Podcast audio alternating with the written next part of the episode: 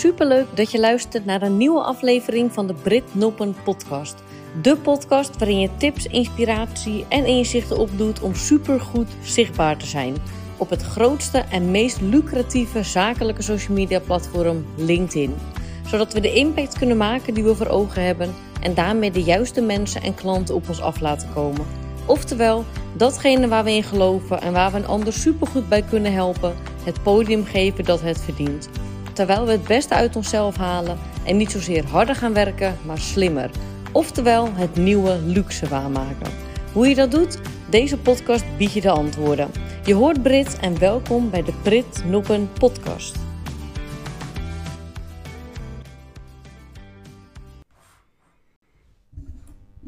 Superleuk dat je luistert naar een nieuwe aflevering van de Brit Noppen podcast. Voor mij is het donderdagavond dat ik dit opneem. Ik praat misschien iets zachter, want ik zit in mijn kantoor en die grenst aan de slaapkamer van mijn dochter. En die ligt heerlijk te slapen. Ik ben bijna een beetje jaloers. Het is wel echt fantastisch weer ook om te slapen van het herfstweer. Ik hoop dat zij mij niet hoort en dat zij gewoon lekker doorslaapt. Maar ik dacht, ik ga nog even een podcast opnemen, want dat heb ik nog niet gedaan vandaag. En ik hoop je een mooi, boeiend inzicht te kunnen geven naar aanleiding van een podcast die ik vanmorgen luisterde van Alex Hermosi. Misschien heb je wel iets van hem gehoord de afgelopen tijd. Hij is echt een beetje in opkomst. Het is een Amerikaanse serieondernemer die onlangs de boeken heeft gelanceerd. Um, 100 Million Lead. Um, welke boeken heeft hij ook weer nog meer gedaan? Even kijken hoor. Oh ja, 100 million offers, 100 million leads. Uh, vooral die 100 million dollar offers. Die zie je veel voorbij komen. ik heb nog niet zijn boeken gelezen, maar ik luister regelmatig naar een podcast. Niet allemaal. Soms kan ik hem ook niet zo heel goed hebben. Misschien herken je dat ook wel eens.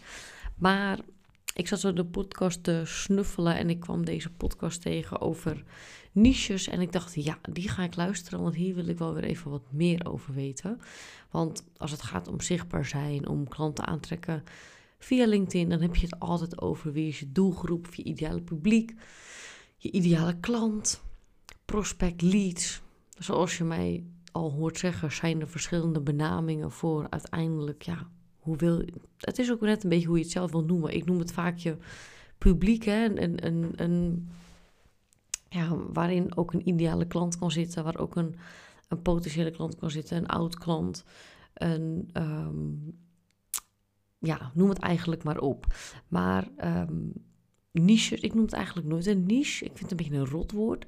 Komt denk ik ook omdat er een beetje zo'n ja, gevoel omheen hangt. Dat heel veel mensen al gehoord hebben van je moet een niche kiezen en je moet een niche kiezen om succesvol te zijn en bla bla bla. Dat ik het ja, liever niet zozeer gebruik, omdat er gewoon een bepaald gevoel omheen hangt. Ehm, maar dat is wel waar de podcast over ging. En ik, ik noem het eigenlijk gewoon. Ja, je, niche is natuurlijk een bepaald uh, afgebakend ja, stukje markt wat jij, uh, jij je op richt. Dus dat kan zijn dat je bijvoorbeeld volledig richt op tandartsen. Uh, en dat je marketingadvies aan ze verkoopt. Of je hebt bijvoorbeeld sportscholen specifiek voor vrouwen. Bij mij in de buurt bestaat zo'n sportschool. Dat wist ik helemaal niet, maar die bestaan dus gewoon echt. En dat je een bepaalde niche hebt. En ik heb niet eens zozeer op dit moment een, een, een, een hele compacte niche. Ik richt me vooral op ondernemers, op interim ZZP'ers. Um, de club die zelf geen marketingteam heeft, maar wel structureel goed zichtbaar wil zijn bij hun ideale publiek. Dat is de klant die ik al jaren eigenlijk help. En um, ik vond het wel interessant om deze podcast te luisteren, want het ging over vijf verschillende fases die je door kan gaan als het gaat om ja, je, je uh, bedrijf ja, succesvol maken, als het ware. Ik zoek nog even op van waar het nou precies over ging. Um... Oh ja, hij had het over de veelgemaakte ja, fouten die nieuwe ondernemers maken. En dat zijn wel echt stages, fases, die ik enorm herken van de afgelopen jaren. Dus ik dacht, misschien heb jij er ook iets aan, misschien zit je in zo'n fase en ehm, ja, weet je ook gewoon beter wat daarmee te doen. Dus daarom wil ik graag dit met je delen, die vijf stappen. Uh, en omdat ik er veel herkenning van de afgelopen jaren in zag. Dus laten we daar even over hebben. De eerste stap is de enthousiaste stap, als het ware. Dat is een beetje de beginfase en dan zie je allerlei kansen en je begint net en dan bedenk je bijvoorbeeld een bepaalde dienst of je ziet een bepaalde doelgroep of dus een hele specifieke niche. En dan, uh, dan kan je soms ook al gaan rekenen van, oh, wat als ik dit aangebieden, dan kan ik dit verdienen. En dan ga je van die rekensommetjes maken. En ik vind het altijd ontzettend leuk om te doen, want het maakt het ja, concreter, het, het uh, doelgerichter en um, ja, specifieker, net hoe je het wil noemen. Ik vind het altijd heel leuk om te bedenken, oké, hoeveel kan je dan verkopen? Aan hoeveel mensen, wat levert dat dan uiteindelijk op? Dat soort sommetjes. Dat deed ik in het begin niet, maar toen ik leerde om dat eigenlijk op die manier te doen, heb ik daar wel heel veel aan gehad. Het bood heel veel inzicht en ook wat je daarvoor dan kon doen. En die beginfase, dat is echt van die startersenergie. Heb ik het laatst ook met iemand over gehad, want ik heb ook een hele tijd gehad dat ik daar een beetje, ehm, ja, was ik daar verslaafd aan? Ik weet niet hoe je het wil noemen, misschien herken je het ook. Maar dat is die allereerste energie dat je ja, zo, zo helemaal verliefd bent op je idee en het is allemaal nieuw en je hebt er zin in en echt startersenergie. Maar inmiddels weet ik dat die startersenergie niet voor altijd is. Op een gegeven moment is de rush of een bepaalde ja, bekendheid of aandacht die je misschien daarmee aantrekt, die wordt minder. En dan is het natuurlijk de, uh, uh, belangrijk om heel uh, sterk in je schoenen te blijven staan. Want dan kom je uiteindelijk in de tweede fase.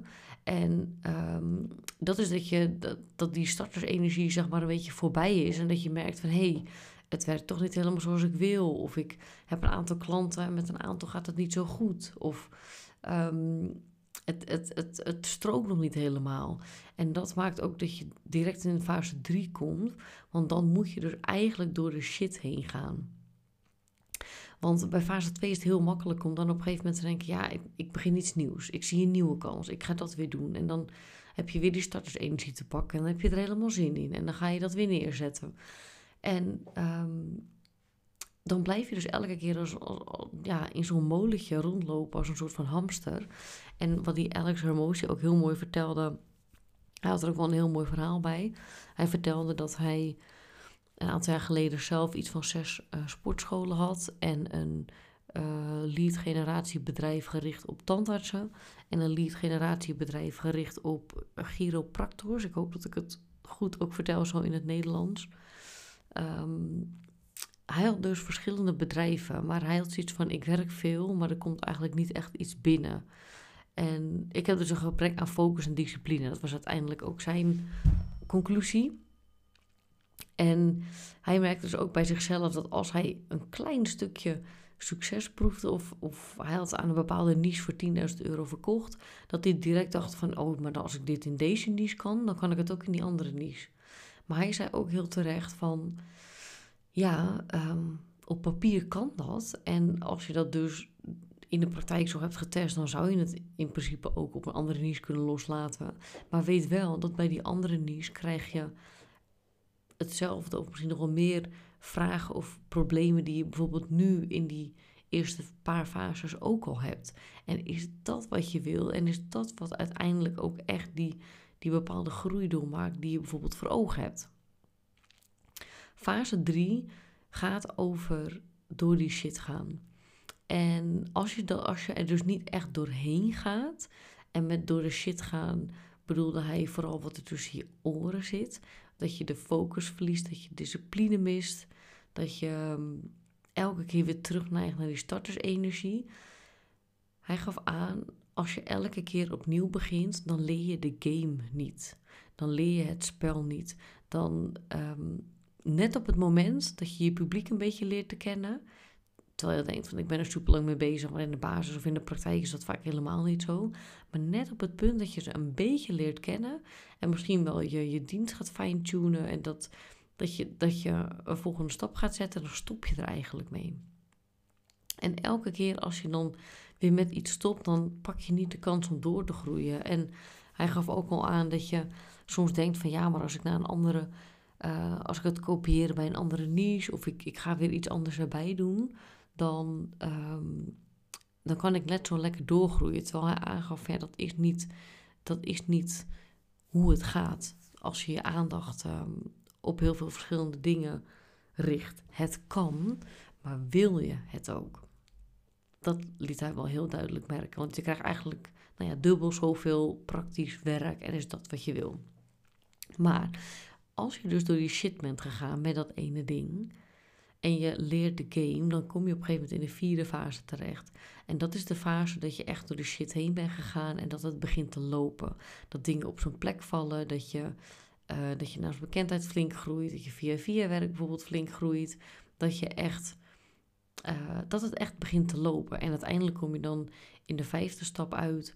En dat is waar je dan echt de echte groei en de echte kansen ervaart. Hij gaf aan, heel veel ondernemers halen dit niet. Die blijven in cirkels ronddraaien tot eigenlijk het vierde punt of tot het derde punt.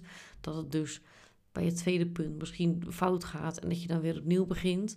Wat natuurlijk ook prima is, hè? want soms is dat volgens mij ook gewoon het beste om te doen. Maar door die shit heen gaan is wel een hele ja, belangrijke en, uh, en mooi punt. En ik herken dat zelf ook, want ik was in de afgelopen jaren, als ik daar nu op terugkijk, ook best wel een beetje, ja, toch al verslaafd of zo aan dat, uh, aan die startersenergie. Een beetje die rush en dat, dat uh, energie om iets nieuws te doen en te kijken hoe iedereen reageert. En, maar ik merkte ook vaak dat als die voorbij was, dan uh, kakte ik ook in. En nu kan ik al van tevoren, nu ik me überhaupt bewust ben van die startersenergie en dat dat zo is en dat het op een gegeven moment minder wordt of verdwijnt of wat dan ook, kan ik veel beter inschatten van wat ik nu wil gaan doen of opzetten of wat dan ook. Is dat alleen voor die rush? Want als dat het geval is, kan ik beter dat in mijn marketing stoppen voor mijn huidige aanbod als het ware is ooit een tip die ik heb gehad en die ik altijd ten harte heb genomen, is om een hele sterke basis neer te zetten als het gaat om bijvoorbeeld je aanbod te verkopen. En tuurlijk, als je er leuke dingen omheen wil doen of nieuwe dingen of wat dan ook, doe dat dan zoveel mogelijk in je marketing, zodat je het wel kan doen. Want het niet doen en alleen de dingen doen die je zou moeten doen, ja, dat, dat doodt op een gegeven moment ook een beetje je creativiteit. Dus ik had toen altijd terug al geleerd van zorg dat je die basis van je ja, je, je, je dienstverkoop als het ware, gewoon dat je daar een goede basis in hebt staan. En al je ideeën en je creativiteit, pas dat toe in je marketing. Nou, vond ik heel slim. Zo heb je dus minder snel de kans dat je in die startersenergie schiet en dat je iets nieuws start en dat je na een paar weken denkt van ah shit, die, die energie die wordt weer wat minder, wat ook normaal is, omdat dan de hype of het, het nieuwtje er een beetje vanaf is voor jezelf. En als je dat natuurlijk in je marketing zou steken, in je zichtbaarheid, dan doet het waarschijnlijk uh, juist heel veel goed uiteindelijk ook voor je aanbod en je portemonnee en je klantenbestand en noem het allemaal maar op. Um, en uh, dus dat is een, even een, inzicht uh, ja, die, er zomaar even doorheen kan. Ik hoop dat je daar ook iets aan hebt. Maar um, ja, de, de vijf fases. En misschien is voor jou die startersenergie ook heel herkenbaar. Stuur me vooral een berichtje. Ik ben heel benieuwd hoe jij daarnaar kijkt en of je dat ook zo ervaart of hebt ervaren. En ik merk ook dat ik ja, dat er ook veel dingen beginnen te landen, te vallen. De, echt zeg maar dat, dat door de shit gaan, door dingen aan te pakken. Want bijvoorbeeld mijn, mijn training, waar nu een wachtlijst voor open staat, de onderscheidend zichtbaar training, die bestaat al sinds 2020. En ik heb in de afgelopen jaren echt wel af en toe het idee gehad, of het gevoel gehad van, ik stop er een keer mee, of ik ben het zat, of um, het liep even niet, of ik had even geen zin, of iets. Dat heb ik allemaal wel meegemaakt. Ik denk ook wel dat het menselijk is, maar toch ik open die wachtlijst en dan komen meteen allemaal aanmeldingen voor binnen. Dus dat geeft voor mij altijd zo'n teken van, oh ja, dat, het is nog steeds relevant, het is nog steeds super waardevol. En juist omdat er nu al zoveel mensen in zitten, zoveel mooie resultaten uitkomen, fijne reviews, het kan alleen maar beter worden voor ehm, de inhoud, dus uiteindelijk voor mijn klant en daardoor uiteindelijk natuurlijk ook uh, voor mij. Maar ja, wat ik nog belangrijk vind is dat de mensen die ik mag helpen, dat ik die heel goed kan helpen. En wat ik ook een heel mooi inzicht vond uit die podcast, is dat je iemand niet het beste helpt. Of wat, wat zei hij nou? De markt wil elke keer iets nieuws en iets hips en weet ik het allemaal. Ehm, maar je klant wil het beste. En dat vond ik echt wel een heel mooi inzicht. Want als je ook goed kijkt om je heen en wat je hoort en wat je leest online, dan is het ook nu heel, ja, uh, wat heel veel mensen doen, is dat op dat ChatGPT-gat inspringen. Hè? Dus dat is natuurlijk in mijn werk ook heel belangrijk om dat op de voet te volgen. En ik ben daar ook mee aan het trainen, ik ben daarmee bezig. Maar ik ga daar niet allerlei diensten meteen in aanbieden. Ehm, dat, dat, ja, ik wil dat eerst masteren en daarna zou ik dat eventueel pas willen doen. Maar ehm, je ziet dat anderen dat wel doen, omdat je het gevoel hebt van hé, hey, de markt wil dat en er wordt nog, weet ik veel, mensen hebben het erover. Maar wat uiteindelijk je klant echt wil, is gewoon heel goed geholpen worden. En de, vaak is het de groei of ja, de groei maken die ze voor ogen hebben. Dus vond ik ook nog een mooi inzicht om uh, weer even tussen de oren te zetten en te krijgen. Dus ik hoop dat je um, nou ja, hier iets van waarde uit hebt gehaald. Misschien herken je in welke fase je zit. Weet je misschien iets beter, hey, ik, ik, ik, uh, ik mag doorzetten, ik zit in een bepaalde fase en ik kan naar die volgende stap gaan. Um, en misschien ook fijn om te weten dat we dit gewoon allemaal doorgaan. En ik denk, um, ik, zit, ik, ik krijg iets meer mee van een klant over de, de start-up wereld en uh, voor, vooral de scale-up wereld. En daarmee uh, krijg ik ook al steeds meer door dat, ook al ben je op een gegeven moment op een punt dat je echt de kansen ervaart en dat het echt heel vloeiend gaat, dat je dan weer in een soort groeiproces terechtkomt. Dus het is niet zozeer, denk ik, stap 1 tot en met 5, maar het is 1, 2, 3, 4, 5, 1, 2, 3, 4, 5, 1, 2, 3, 4, 5. En dat gaat continu zo door.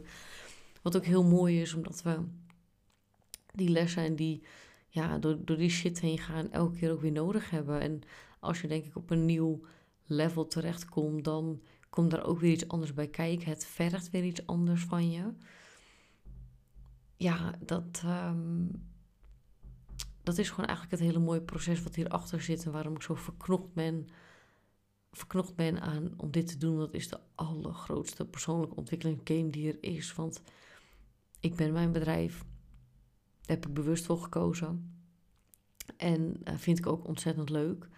En ik geniet juist van de vrijheid die ik heb door een eenpersoonsbedrijf te zijn. Met hier en daar een freelance uh, team.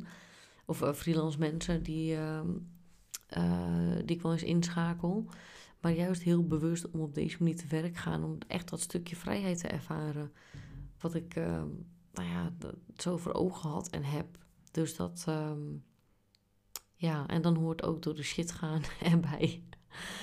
maar ook groeien en ook de kansen ervaren. Dus ik hoop dat je heel veel waarde haalt uit deze podcast. En laat me vooral weten als je hier nog vragen over hebt of over iets anders. Dat mag ook. Ik ontvang heel graag je berichtjes. Dat vind ik echt super leuk. Nou, wens ik jullie nog een fijn moment van de dag. En tot de volgende keer. Doei doei. Super leuk dat je luisterde naar deze aflevering. Ik ben natuurlijk benieuwd wie je luistert. Dus stuur me vooral een berichtje op LinkedIn met wat je eruit hebt gehaald. Uiteraard ben ik daar regelmatig te vinden.